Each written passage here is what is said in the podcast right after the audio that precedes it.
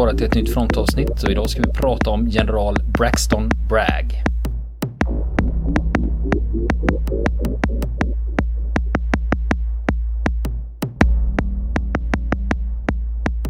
Du har hört talas om Fort Bragg va? Det har alla. just det. Världens största militärbas. Det är så? Det är så. I alla fall, kanske inte till ytan, men till antal personer som lever och tjänstgör på den här basen. Det är över 50 000 personer. Så det är ett, ett mindre samhälle kan man säga.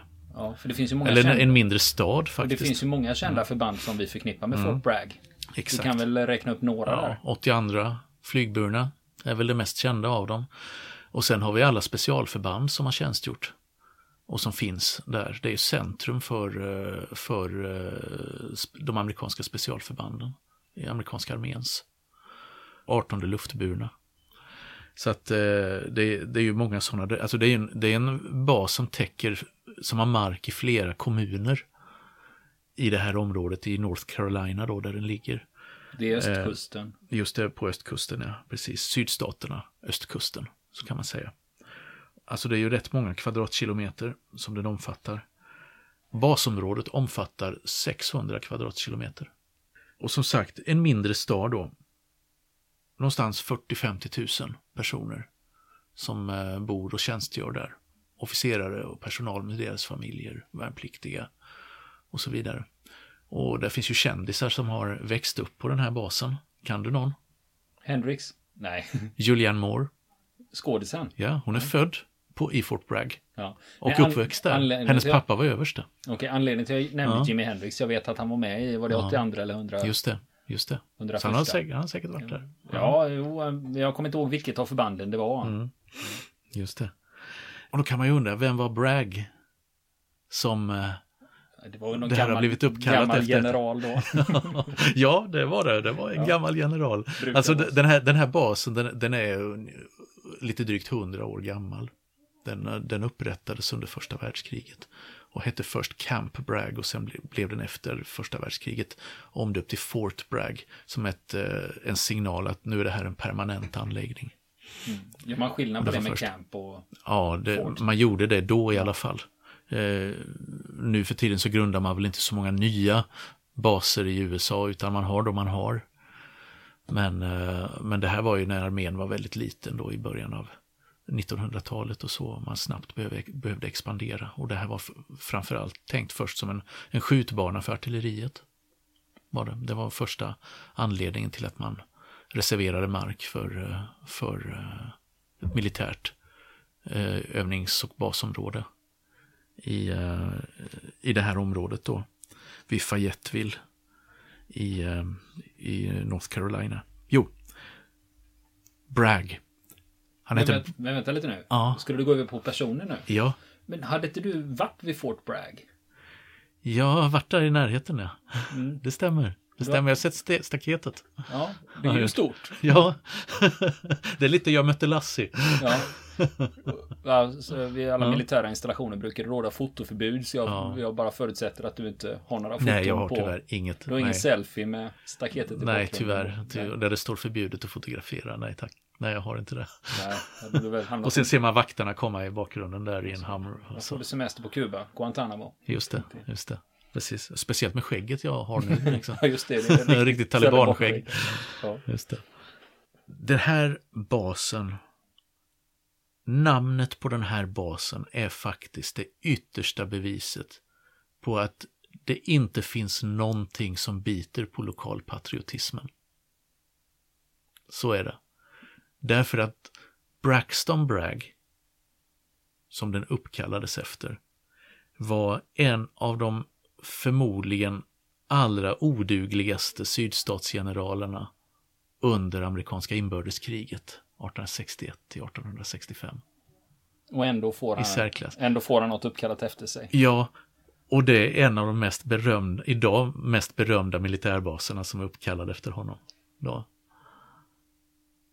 Och alltså, det här, det här är en person som faktiskt är ganska intressant. Inte för att han var speciellt skicklig, för det var snarare tvärtom. Var det. Det, här var en, det här var eh, en um, i många stycken en bråkstake och en klåpare. Och som ändå lyckades hålla sig kvar vid karriären i det militära. Trots att han hade skaffat sig otaliga fiender överallt.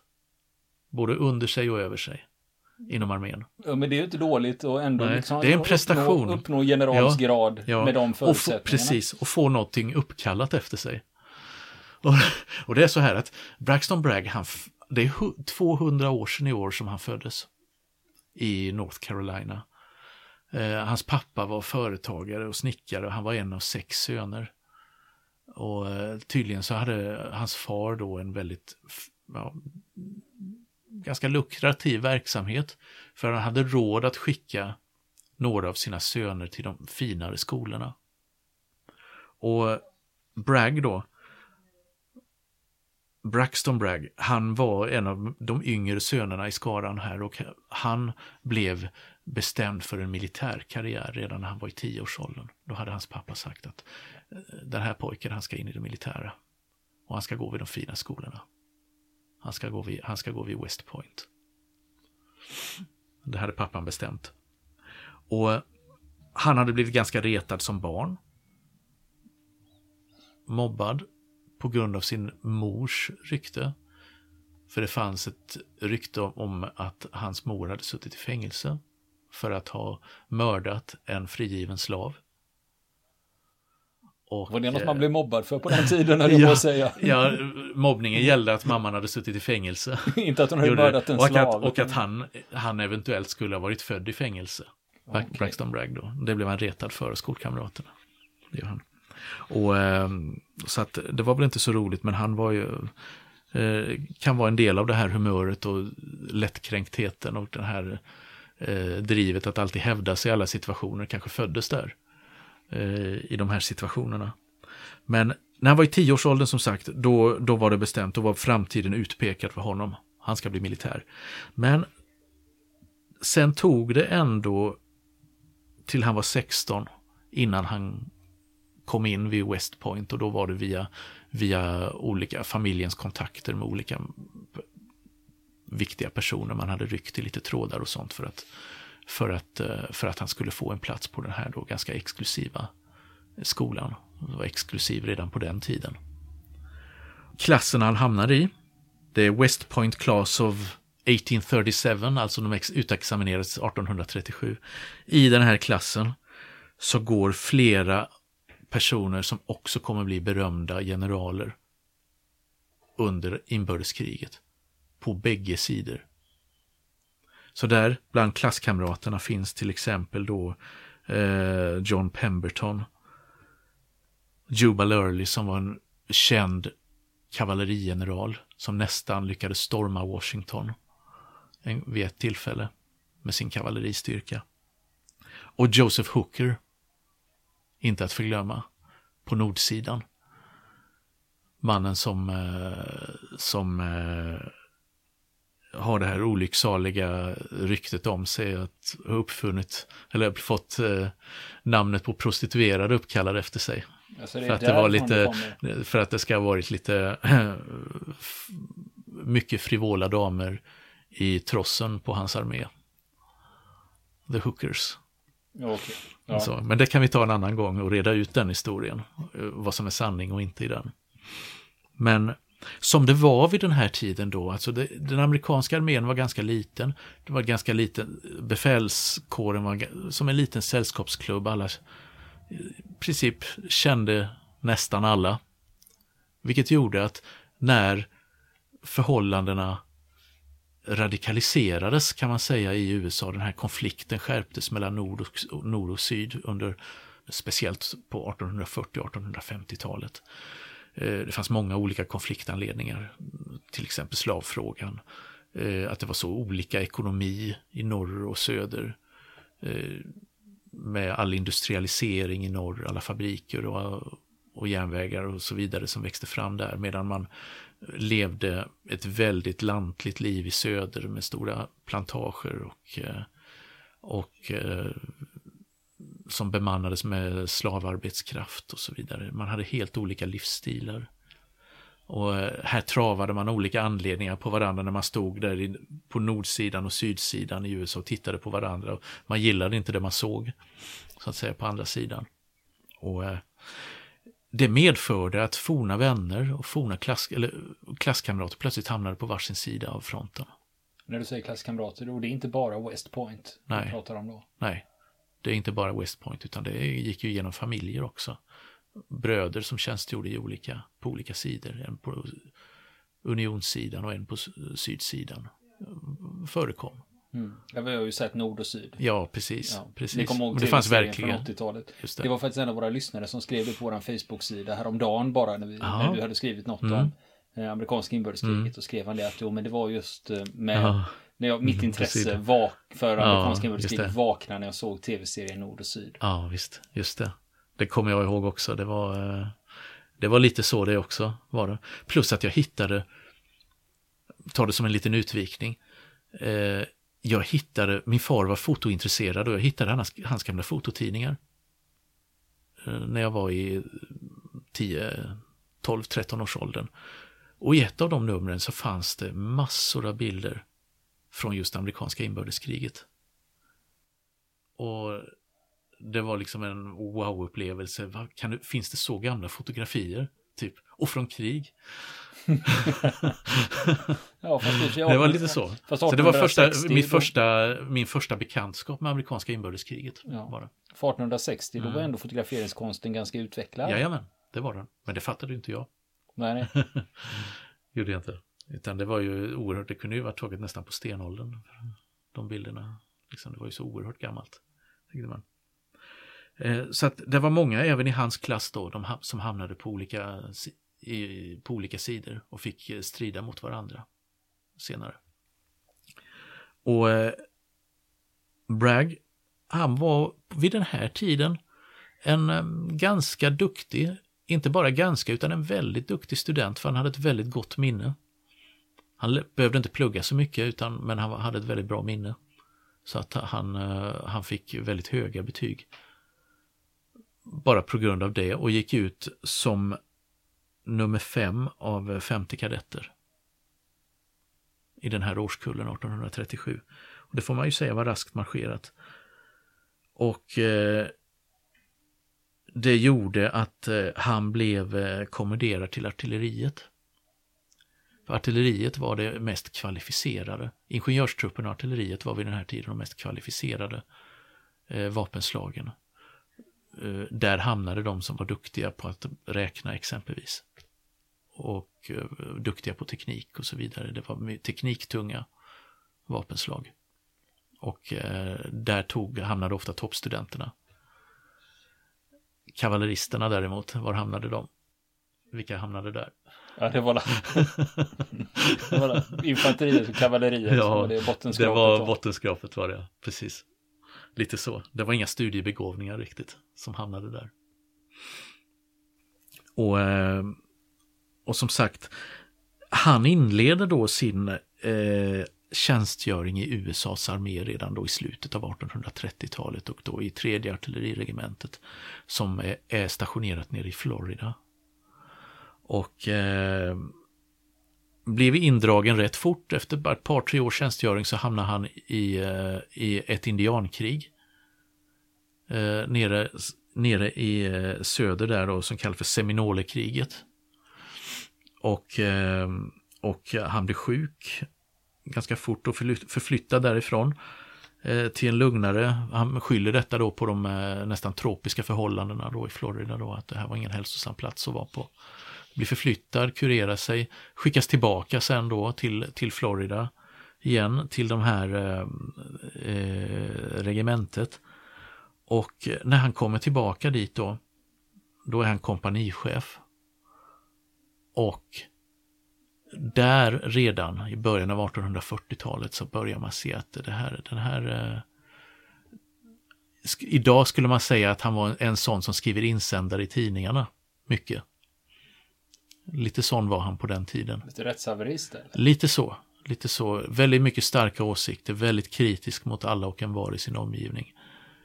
Eh, han, han var, väldigt strikt med de soldater han hade under sitt befäl. Han var sån där som höll stenhårt på disciplinen och gjorde sig allmänt avskydd bland sina soldater, men han gjorde sig också väldigt illa omtyckt bland sina överordnade och det gällde överordnade hela vägen upp till Washington. Han var känd alltså? Han, satt, han skrev insändare och pamfletter och öppna brev och kritiserade eh, sina chefer till höger och vänster. Gjorde han. För att han tyckte att armén var på väg åt fel håll. Varför gör ni så här när ni borde göra så här istället? Och så vidare. Och så här borde man organisera högkvarteret och så vidare. Inte ens eh, arméchefen Winfield Scott, då, en ryktbar general som hade varit med redan och slagits mot britterna 1812, kom undan hans penna. Då. Så att han, skaffade, han skaffade sig fiender på de höga, eh, höga posterna kan man säga överallt. Och han etablerade ett rykte som liksom att det här, det här, är, en, det här är en bråkstake. Och eh, besvärlig person. En av, en av historierna som började cirkulera om, eh, om Braxton Bragg på grund av hans bråkighet och grälsjukhet. Eller grälsjuka. Det var det är att han blev, när han var som kompanichef, placerad på en postering, militär postering. Och det fanns ingen kvartermästare på hans kompani. Så att han fick sköta kvartermästarjobbet också, förutom att vara kompanichef. Och som kompanichef så skickar han en anhållan om viss utrustning till kvartermästaren. Som kvartermästaren Bragg sedan avslår. Varpå kompanichefen Bragg börjar bråka med kvartermästaren Bragg i korrespondensen och till slut tills, kvarter, tills kompanichefen Bragg tröttnar och vänder till, sig till sin närmaste chef för att be denne chef lösa konflikten mellan sig själv. Mm. Ligger det någon sanning i den här historien? Då? Nej, det, det, det, gör det inte. Det är, en, det, är en, eh, det, är en, det är en anekdot som en av hans fiender har berättat, nämligen Ulysses Grant. Okay. I sina memoarer. Ja. Och det, är helt säkert inte ett ord sanning i det här, men ändå att den här historien har uppstått säger någonting om den beskriver om hans den, persona. Den beskriver någonting liksom utifrån själva ryktet om honom, kan man mm. säga. Ändå, så mycket kan man säga om den historien, men den är rätt kul. Mm. och, eh, så, att, så att så var det med den saken. Men han var en skicklig organisatör, han var en skicklig, ut, skicklig utbildare av trupper. Och eh, när han sen sattes in i nästa krig, alltså det kriget mot, eh, mellan USA och Mexiko på 1840-talet. Man tog Texas och och eh, lite andra delar i, i södern där, New Mexico och eh, andra av de här amerikanska sydstaterna som man nu ska hängna av med en mur mm. mot, eh, mot Mexiko där. Eh, då, var, då var han med i det kriget och eh, utmärkte sig i flera av slagen där då. Så pass att han efter, i samband med det stora slaget vid Buena Vista, blev eh, omskriven hjälte i tidningarna. För att han med sitt eh, batteri kanoner hade så att säga räddat dagen, save the day i fältslaget genom att, eh, genom att stoppa ett eh, beslutsamt mexikanskt anfall med sina kanoner. Och eh, sina män då som var väldigt väldisciplinerade. Påfallande väldisciplinerade då för att vara i den amerikanska armén då. Han hade ju en enorm liksom drill och exercis, det var hans, det var hans game i det hela. Var det. Och inget man blir, blir, kanske blir omtyckt för. Så att ja, säga. Men det tyder ju ändå på en viss mm, duglighet. Det gör det. Det gör det. Men under den här tiden då så fortsätter han också. Han skriver pamfletter, ofta ibland under eh, falskt namn. Eh, men, ett troll alltså? Ja. ett 1800-talstroll. Ja, ett 1800-talstroll. Mot, mot generalerna i armén och så vidare. Attackerar dem på olika sätt. Och, och kallar, kallar till exempel chefen för armén Winfield Scott då en, för en, en, en, en fåfäng och liten småskuren figur. I, i en av de här eh, skrifterna som, som han, eh, som han publicer, lät publicera. Eh, och det gick, det gick till slut så långt så att han blev, eh, han blev eh, ställd inför krigsrätt. Med historia där då, där han, där han skulle ha vittnat i, vittnat i sånt här, ett utskottsförhör i Washington om förhållandena i armén. Och, eh, och eh, arméchefen Winfield Scott förbjöd honom att göra det och sen ställde man honom inför krigsrätt. Gjorde man. Och i den här, eh, man kan ju tänka sig att den här rättegången skulle gjort honom lite skakis. Men tvärtom, att han var ju en väldigt stridslysten person så han försökte vända hela den här rättegången. Så att det i praktiken blev en anklagelse mot högste befälhavaren Winfield Scott för att vara en klantig och inkompetent officer. Och, eh, och hur det nu var, så att ja, han blev ju dömd då för insubordination och så vidare. Och, eh, men fick ett ganska, kom undan med ett ganska milt straff då. Han fick lite, man drog in hans lön ett par månader och eh, halva lönen ett par månader i princip. Så att det, man kan väl säga att det dämpade inte riktigt hans stridslystnad. Utan han fortsatte på den här invägna och, och trolla som vi skulle säga idag. Eh, som du säger och eh, en, eh, en eh, person, en författare som heter Grady McWiney som har skrivit en biografi över Braxton Bragg. En av de mer klassiska biografierna eh, som heter Braxton Bragg and the Confederate Defeat. Braxton Bragg och sydstaternas nederlag. Eh, han skriver så här att eh, om Bragg vid den här tiden då att hans, hans eh, gärningar etablerade honom som den elakaste mannen i hela armén. Och eh, han hade blivit ställd inför krigsrätt, han hade blivit dömd. Han hade blivit, eh, fått munkavle av krigsministern. Han hade fått munkavle av befälhavaren för östra divisionen och eh, av eh, generalstabschefen i armén. Ingen annan officer av lägre grad kunde skryta med att ha så många fiender på höga poster. Både befälhavaren för tredje artilleriregementet och eh, överbefälhavaren för amerikanska armén hatade Bragg. Hans framtid i regementet och armén verkade mycket oviss. Ja, det kunde man ju förstå. tänka sig. Ja. Där kan man ju tänka sig en mycket besvärlig man att ha att göra med. Inget diplomatämne. Inget diplomatämne riktigt, nej. Men som sagt, krigshjälte blev han i det här amerikansk-mexikanska kriget i slutet av eh, 1840-talet. Och fick faktiskt en utpost i Kalifornien uppkallad efter sig. Fort Bragg. Det finns två Fort Bragg alltså. Det finns ett i Kalifornien. Fortfarande? Jajamän, det är ett litet samhälle idag. Det som heter Fort Bragg, Kalifornien. Alltså. Jajamän, mm. Jajamän. Som tidigare var en militär garnison. Okej. Okay. Mm. Så det finns två Fort Bragg, en på östkusten och en på västkusten. Gör det han blev, när han återvände från det här kriget så blev han eh, omskriven, hyllad överallt. Han gjorde en turné i USA till många städer och blev hyllad på många olika platser och fick hedersomnämnanden och eh, på något ställe fick han ta emot ett svärd av eh, stadens eh, borgmästare som till, till hans ära för att han hade gjort så stora insatser i kriget och hjälpt till att avgöra ett av de viktigaste fältslagen. Då. Eh, så under den här turnén så träffar han en 23-årig vacker kvinna som heter Eliza Brooks Ellis och gifter sig med henne. Och hon är dotter då till en stenrik plantageägare i södern. Eh, de gifte sig 1849, strax efter kriget är slut då. Sen dröjer det inte mer än fem, sex år så har Bragg tröttnat på livet i armén. Och man kan väl säga att karriärmöjligheterna var väl lite begränsade för honom. Han var kapten vid det laget. Och eh, såg väl kanske ingen möjlighet att stiga högre i graderna på grund av alla ovänner han hade skaffat sig. Så att han begär avsked från armén 1855.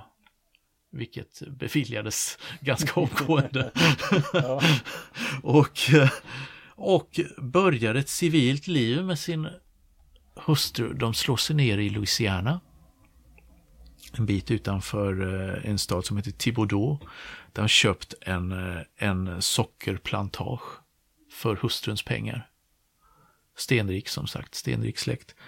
6,5 kvadratkilometer stor plantage med eh, över 100 slavar som drev den här. Och eh, trots då att ja, det fanns en del lån naturligtvis på det här, men han lyckas väldigt snabbt på grund av sin organisationsförmåga och liksom att han hade pli på folk göra den här lönsam. Och när man säger att han hade pli på folk och när man nämner slavar i samma mening så kan man säga att det finns egentligen inga bevis eller belägg för att han var en speciellt grym slavägare. Klart det var moraliskt förkastligt sett ur nordsidans perspektiv att äga slavar. Men han, var inte, han skilde inte ut sig i alla fall som någon speciellt grym och elak slavägare. Men han drev arbetet på det sätt han kände till bäst, nämligen med militära metoder och hård disciplin. Såklart, det var nog inte så roligt att vara slav där under Braxton Bragg. Överhuvudtaget. Och nästa vecka fortsätter vi historien om general Braxton Bragg. Vill ni komma i kontakt med oss så kan ni göra det via vår Facebook-sida som heter Fronten. Det är inga problem för er att leta er fram där. Eller också så mejlar ni på vår mejladress och det är frontenpodcast@gmail.com.